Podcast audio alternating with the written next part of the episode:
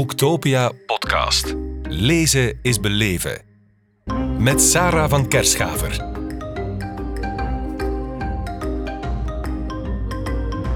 Katrien van der Schoot, welkom in onze podcast op Boektopia in Kortrijk. Goedemiddag, Sarah. Goedemiddag. Je schreef het boek De Kinderen van Oost-Congo, uitgegeven bij Pelkmans. Ja, de geschiedenis, de realiteit van Oost-Congo is een zeer complexe materie. Hoe begin je daaraan om die te vertellen? Hoe begin je daaraan? Hè? Uh, je staat er een beetje bij stil na 25 jaar verslaggeving in die regio. Eigenlijk al een beetje voordien in Rwanda ook al, in de 94 dus. Um, bij wat je allemaal gezien hebt, wie je allemaal hebt ontmoet. En dan denk je, oké, okay, daar zitten presidenten bij, daar zitten ministers bij, maar daar zitten ook heel gewone mensen bij. Daar zitten heel grote historische gebeurtenissen in. Daar zitten drie verkiezingen in. Daar zit het feest in van 50 jaar onafhankelijkheid van Congo. Daar zit een zeer grote, aanhoudende reeks van conflicten in. En dan denk je inderdaad van, ja, hoe ga ik dat in hemelsnaam in een boek allemaal verwerken? En toen kreeg ik de tip om het uh, terug te brengen, om die, stuk, die puzzel van die duizend stukjes terug te brengen tot een heel eenvoudige puzzel van een aantal invalshoeken. En die invalshoeken ben ik beginnen zoeken. En zo ben ik bij uh, drie verhalen verhaallijnen terechtgekomen. Natuurlijk een beetje mijn eigen verhaallijn, een terugblik op mijn verslaggeving. Maar ook, ja, hoe, hoe breng je dat over? Eigenlijk wilde ik het overbrengen zoals ik het ook in mijn reportages overbreng, doorheen de ogen van mensen zelf. Doorleefd, echt. Doorleefd, echt. En zo ben ik... Ja, ben ik beginnen nadenken en kwam ik bij een uh, kindsoldaat die ik ooit eens ben tegengekomen toen in 1996, want toen begon het allemaal, hè, de revolutie -hmm. van uh, Laurent Kabila tegen uh, president Mobutu. Een jongen die mij heeft tegengehouden, mij bedreigd nee. en die zijn, ja, die zijn gezicht is nog altijd, staat dat ja. in mijn geheugen geprent. En het andere is een mensenrechtenactivist, Luc Nkulula, die ik ben tegengekomen in 2016. Ik ga niet helemaal zeggen wat met hem mm -hmm. gebeurd is, maar goed. En op basis van die twee personages heb ik dan twee andere personages gevonden, Isaac en Rebecca. Ja. Ja, en je vertelt een, een verhaal. Je neemt ons mee, je neemt ons ook mee door hun ogen, door jouw ogen. Um, waarom vond je het belangrijk om dat vandaag te vertellen? Want ik kan me voorstellen, de link België-Congo is er vroeger geweest. Ja, soms voel je de afstand die groeit. Hè? En ik heb begrepen dat je dat misschien wel jammer vindt dat die afstand groeit? Ik vind het jammer dat de afstand groeit, hoewel ik wel denk dat we dat, die afstand op een andere manier moeten gaan belichten. Hè? Uh, we komen van ver, we komen van de kolonisatie, we komen van de postkolonisatie. We hebben gezien, zeker de laatste jaren ook, wat voor uh, verschuiving dat dat met ja. zich meegebracht heeft. Hè? Uh, in de, de woke-versie van wat er allemaal gebeurd is. Ik heb ook meegewerkt aan Kinderen van de Kolonie en dan zijn we toch allemaal met andere ogen gaan kijken naar die geschiedenis van Congo. Nu, wat voor mij belangrijk is, is inderdaad toch wel te gaan kijken naar die mensen daar ter plaatse. Als ik als journalist naar Ginder ga, probeer ik mijn luisteraar of uh, mee te nemen hè, met, met, met, met klank, met, met beschrijvingen. En dat heb ik nu geprobeerd in mijn boek ook te doen. Ik heb een heel mijn archief van 25 jaar verslaggeving allemaal opnieuw beluisterd, cassettes, wow. uh, de minidiscs, en heb ik die allemaal uitgeschreven. Om zo op die manier de quotes die, die je hierin leest, toch ook wel heel authentiek te maken. Dus het is echt wel, het is niet exhaustief het boek natuurlijk, het is geen geschiedschrijving uh, as such, maar uh, het probeert wel te benaderen en van hoe het eigenlijk daar is om in die streek in Oost-Congo, meer bepaald dan in Goma, waar die twee jongeren vandaan kwamen, om daar op te groeien. En daarom ook die ondertitel. De ondertitel heet uh, Bevrijden met wapens of woorden. Wat, wat doe je als je in zo'n situatie zit? Ja, het is ook nog van nu, vandaag de dag. Gisteren heb ik er nog over, over bericht, uh, over een nieuwe inval van een rebellengroep, over nieuwe volkswoede, een, een toestand die niet lijkt te veranderen. En hoe komt het dan dat de ene jongere, dat is dan Isaac, dat hij naar de wapens grijpt, dat hij wordt meegesleurd in een rebellie. En dat een ander andere jongeren van exact dezelfde uh, stad, in hetzelfde gebied, dat die zegt, nee, ik ga het met de woorden doen. Ik wil bevrijden met, een, met vreedzaam verzet. Ik sluit me aan bij de mensenrechtenbeweging uh, Lucha. En dat heeft mij heel erg gefascineerd. Door wie zijn ze, ja, door, door wie zijn ze gerecruiteerd? Wie, wa, waar komen hun ideeën vandaan? Blijven ze bij hun ideeën? Komen ze opnieuw op het goede pad terecht? In, in Isaac zijn geval dan, ja, je kan zeggen ja, want je ziet ze op de achterflap mm -hmm. allebei staan. Dat is nu in maart maart opgenomen. Dus ze zijn wel goed terechtgekomen, maar wat voor weg hebben ze afgelegd? Hè? Ja. Ja, je beschrijft die weg heel aangrijpend, ook gestoffeerd ook met feiten, met, met die geschiedenis die je heel inzichtelijk maakt. Het lijkt me niet eenvoudig voor jou, ook al heb je daar al 35 jaar verslag van uitgebracht, om jouw rol daarin te vinden. Mhm. Hoe zie jij goed, ja, dit is mijn positie, zo wil ik erover schrijven, dit zijn mijn bronnen? Ja, dat, uh, wel, ik ben wat mijn bronnen betreft, uh, eerlijk geweest. Ik heb ah. alleen maar de bronnen gebruikt die ik die in die 25 jaar heb geraadpleegd. Hè. Ik ben niet gaan zoeken in geschiedenisboeken. Het is een persoonlijk verhaal, maar ook met de feiten, namelijk een verslaggeving die ik heb uitgebracht en die ook op antenne is geweest of in artikels is, is geschreven. Dus daar beperkt het zich toe. Nu, daar zitten ook wel interviews in met ministers of met een, mhm. een president, uh, maar goed, dat, die zijn voor mij niet zo belangrijk. De persoonlijke getuigenissen uh, zijn voor mij uh, veel, veel, veel belangrijker. Um, en, en dat heb ik toch wel willen, willen meegeven in dat ja. Ja. Hoe komt het dat je zo gebeten bent geraakt door Afrika?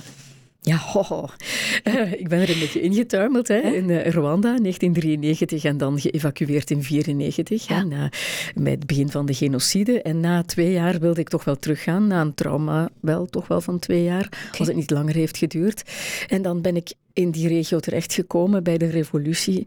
En dan heb ik vastgesteld dat inderdaad dat er zoveel veerkracht zit in die mensen. En dat ben ik blijven zien. Ik ben, bij elk bezoek ben ik met dat blijven inprenten van hoe is het toch mogelijk dat die mensen, zeker de, de, de, de, de vrouwen, de jongeren, dat die, dat die toch maar blijven volhouden, ondanks alles wat hen op hun hoofd valt. Mhm. en, dat was eigenlijk het originele, de beeldspraak die ik ook wilde gebruiken. Ze leven daar in Goma aan de vulkaan, de Nyiragongo. En al wat hen op hen valt. De, de lava zou je kunnen zeggen, de oorlogen, de conflicten, de, de, de grondstoffenroof. Dat is iets wat hen overkomt. Maar een vulkaan heeft ook een vruchtbare bodem. En mhm. dat ben ik ook gaan zoeken in mijn boek. Dat zijn de jongerenbewegingen, dat zijn de vrouwenbewegingen, dat zijn zorgverleners. En daarom ben ik ook zo mijn eigen rol meer en meer beginnen wegcijferen. En dat is ook een groot, dat heb ik ook geleerd in dat boek over die 25 jaar. En we zijn daar binnengekomen met, uh, ja, met ministers, met, een, met een koning op een, op een piedestal, om het zo te zeggen. En stilletjes aan ben ik gaan zeggen, ja maar hey, je hebt hier ook wel journalisten, je hebt hier ook zorgverleners die hun, hun, hun visie hebben en hun ideeën. Wat moeten wij daar nu toch allemaal gaan doen als journalist? Je hebt ook geen Congolezen die naar hier komen wanneer er hier een watersnood is. Terwijl wij wel ginder naar een vulkaanuitbarsting gaan kijken en naar hulpverlening en dan zeggen, oh garmes zeg, hè, die, die, die, mensen daar. En ik vind het wel fijn dat ik daarom ook aan het einde ben uh, geëindigd, niet met mijn eigen conclusie, maar dat ik echt bewust mensen ben gaan opzoeken opnieuw. Mensen die ik ben tegengekomen van wie ik vond, die heeft echt een wijze visie. Ja. Hè, en die heb ik aan het woord willen laten om hen zelf een toekomstvisie op Congo te laten uitstippelen. Dat is echt helemaal niet meer aan mij. Niet meer, nooit geweest, maar mhm. is niet aan ons om dat te doen. Dat moeten ze zelf doen. Een volk kan alleen zichzelf bevrijden. Exact. Ja, dat was inderdaad de, de conclusie die echt bleef nazenderen. Ja. En heb je daar dan een mening over? Zeg je dan, ik kan mij volledig vinden in die visie? Ehm, ik weet wel dat er natuurlijk, uh, zeker ook nog hedendaags, je ziet het nu, gisteren was er een betoging waar er werd rondgelopen met, uh, met affiches met Poetin erop bijvoorbeeld. Je ziet het in andere Afrikaanse landen, dat grootmachten proberen om eigenlijk uh, de, de, de, de, bijvoorbeeld mensenrechtenbewegingen, burgerrechtenbewegingen voor hun kar te spannen. Dus een revolutie is nooit gratuit. Uh, Rebecca mag dan nog de mooiste eh, principes hebben en doelstellingen. Ze moet ook, en ik, ik waarschuw haar daar soms voor, want we hebben een goede persoonlijke band van pas op, laat je niet meenemen. Gebruik de sociale media voor je goede doelen, maar zorg dat je niet wordt ja, dat, dat, dat ze geen misbruik van je maken. En dat gebeurt eigenlijk op dezelfde manier als dat Isaac destijds is meegesleept door valse beloftes om te kunnen gaan studeren. Dus het geldt wel voor de twee. Dat, je dacht, ik dacht in het begin toen ik schreef van, oh, Isaac, dat is een vogel voor de kat geweest. Maar eigenlijk is Rebecca dat ook, moet ze hm. ook opletten. En dat is dat blijft wel hangen, maar ik blijf, zoals, sorry voor je, dat ik je vraag niet beantwoord heb, eh, bij dat idee dat inderdaad een revolutie alleen maar vanuit, van onder naar boven uit kan uh, beginnen. Zelfs al is het alleen maar om in je dorp drinkwater uh, te eisen of elektriciteit. Mm dat, dat is veel grondiger dan wanneer je verkiezingen gaat organiseren ergens in Kinshasa, ver van Oost-Congo, en waar er toch weer meteen sprake zal zijn van corruptie. Mhm. Dus Je raakt al even Isaac aan ook, hè, dat hij eh, geronseld is onder voorwendsel van valse beloften. Hij zou mogen gaan studeren, maar uiteindelijk is hij als kindsoldaat eh, ingezet. Heeft hij vreselijke dingen gezien. Ehm, heeft hem dat verbitterd gemaakt? Eh, Het heeft hem getraumatiseerd, dat wel. Hij heeft een heel lang proces moeten doorlopen.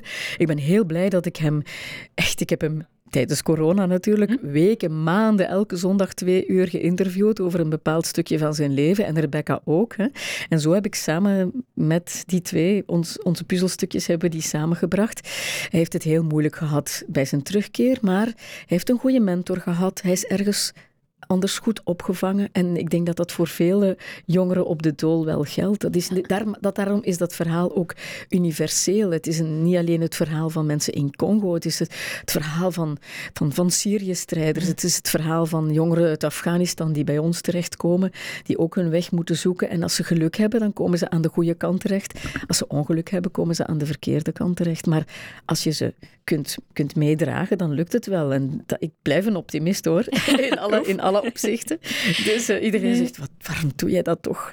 Oh, dat is toch heel oh, uitzichtloos. Ik zeg, nee, nee, nee. Ik, ik, ik, blijf erin geloven. Als het maar van, vanuit die jongeren zelf komt. Ja. En als ze de kansen krijgen te, om het te doen, dan zal het wel ooit lukken. Ja.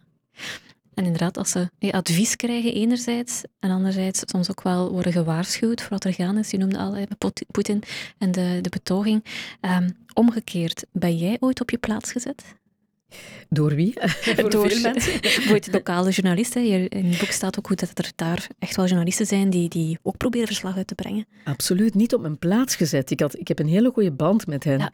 Ik heb uh, ook, hè, in het nawoord, heb ik met vier journalisten tegelijk een, uh, een teamsvergadering gedaan. En dan, denk, dan sta ik daar altijd van te kijken van wauw, wat een inzicht. Hè. Uh, er is daar ook een jo journaliste, Jolie Kamuntu, waar je van denkt van oh, die zou eigenlijk gewoon premier moeten worden. Ja. Hè. Zo, op die manier. Dus je wordt er heel, heel bescheiden van.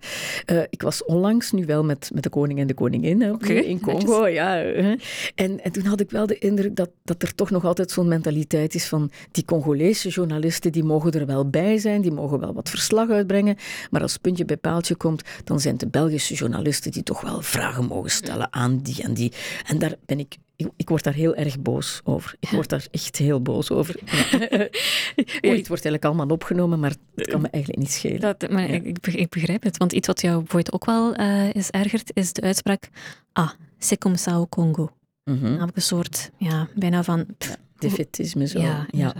Maar goed, dat is niet altijd zo. Hè. Als je in zo'n situatie zit, dat was dan in Goma inderdaad zo'n zo'n ja. apotheek hè, waar alles een beetje verloren lag. En ze, toch vonden ze meteen door mijn pilletjes hoor, dat, dat is geweldig.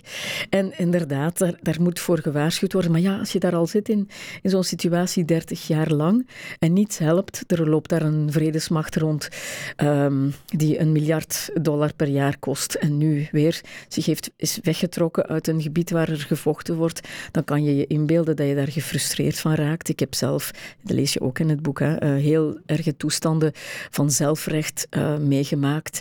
En dan ben ik inderdaad ook boos van hoe komt het dat het zover kan komen. Maar dan ja. ben ik niet boos op die mensen. Zij kunnen daar niet aan doen. Maar je moet gewoon mee proberen te helpen dat ze in de op de juiste manier dat doen. En daarom die mensenrechtenorganisatie bijvoorbeeld, Lucha, met hun vreedzaam verzet, daar heb ik iets nieuws in gezien. Daar dacht ik van, ah, maar dat is nu eens nieuw. Dat heb ik nog niet meegemaakt. Nee. En ze zijn intussen ook al bezig met politieke participatie. Er is iemand van um, Lucha die nu verkozen is in Kinshasa. En dan zeg ik hem ook, ja, maar ja, binnen drie weken, dan uh, geven ze jou een dikke chip en dan ben je ook omgekocht. En dan zegt hij, nee, nee, nee, als we met genoeg zijn nu, dan kunnen we een nieuwe politieke cultuur uitbouwen. Als we met genoeg zijn. Nou, dan kunnen we dat klanregime en die klanaanpak en die corruptie proberen om te draaien. En oké, okay, het is maar een druppel in een zee, maar een druppel in zee verandert de zee. Hè? Absoluut. Ja. Dus met andere woorden, als je binnen 25 jaar het vervolg schrijft, dan ja. denk ik dat je hoopt dat dat een, uh, als verhaal, een hoopvoller verhaal is dat je kunt schrijven. Ja, kijk, als het niet het hoopvol verhaal van Congo is gebleken, dan is het het hoopvolle verhaal van Isaac geweest, zeker en vast. Die persoonlijk toch wel over al zijn trauma's is heen geraakt en die ik ook nog wel echt begeleid. En Rebecca, daar hoop ik ook van dat ze misschien ooit wel eens de eerste premier van Congo wordt, de vrouwelijke dan. Ik hoop met jou mee. Katrien van der Schoot, hartelijk dank om hier te zijn. Graag gedaan. Boektopia podcast. Lezen is beleven. Beluister ook de andere podcasts live opgenomen op Boektopia 2022. Nu via je favoriete podcast-app.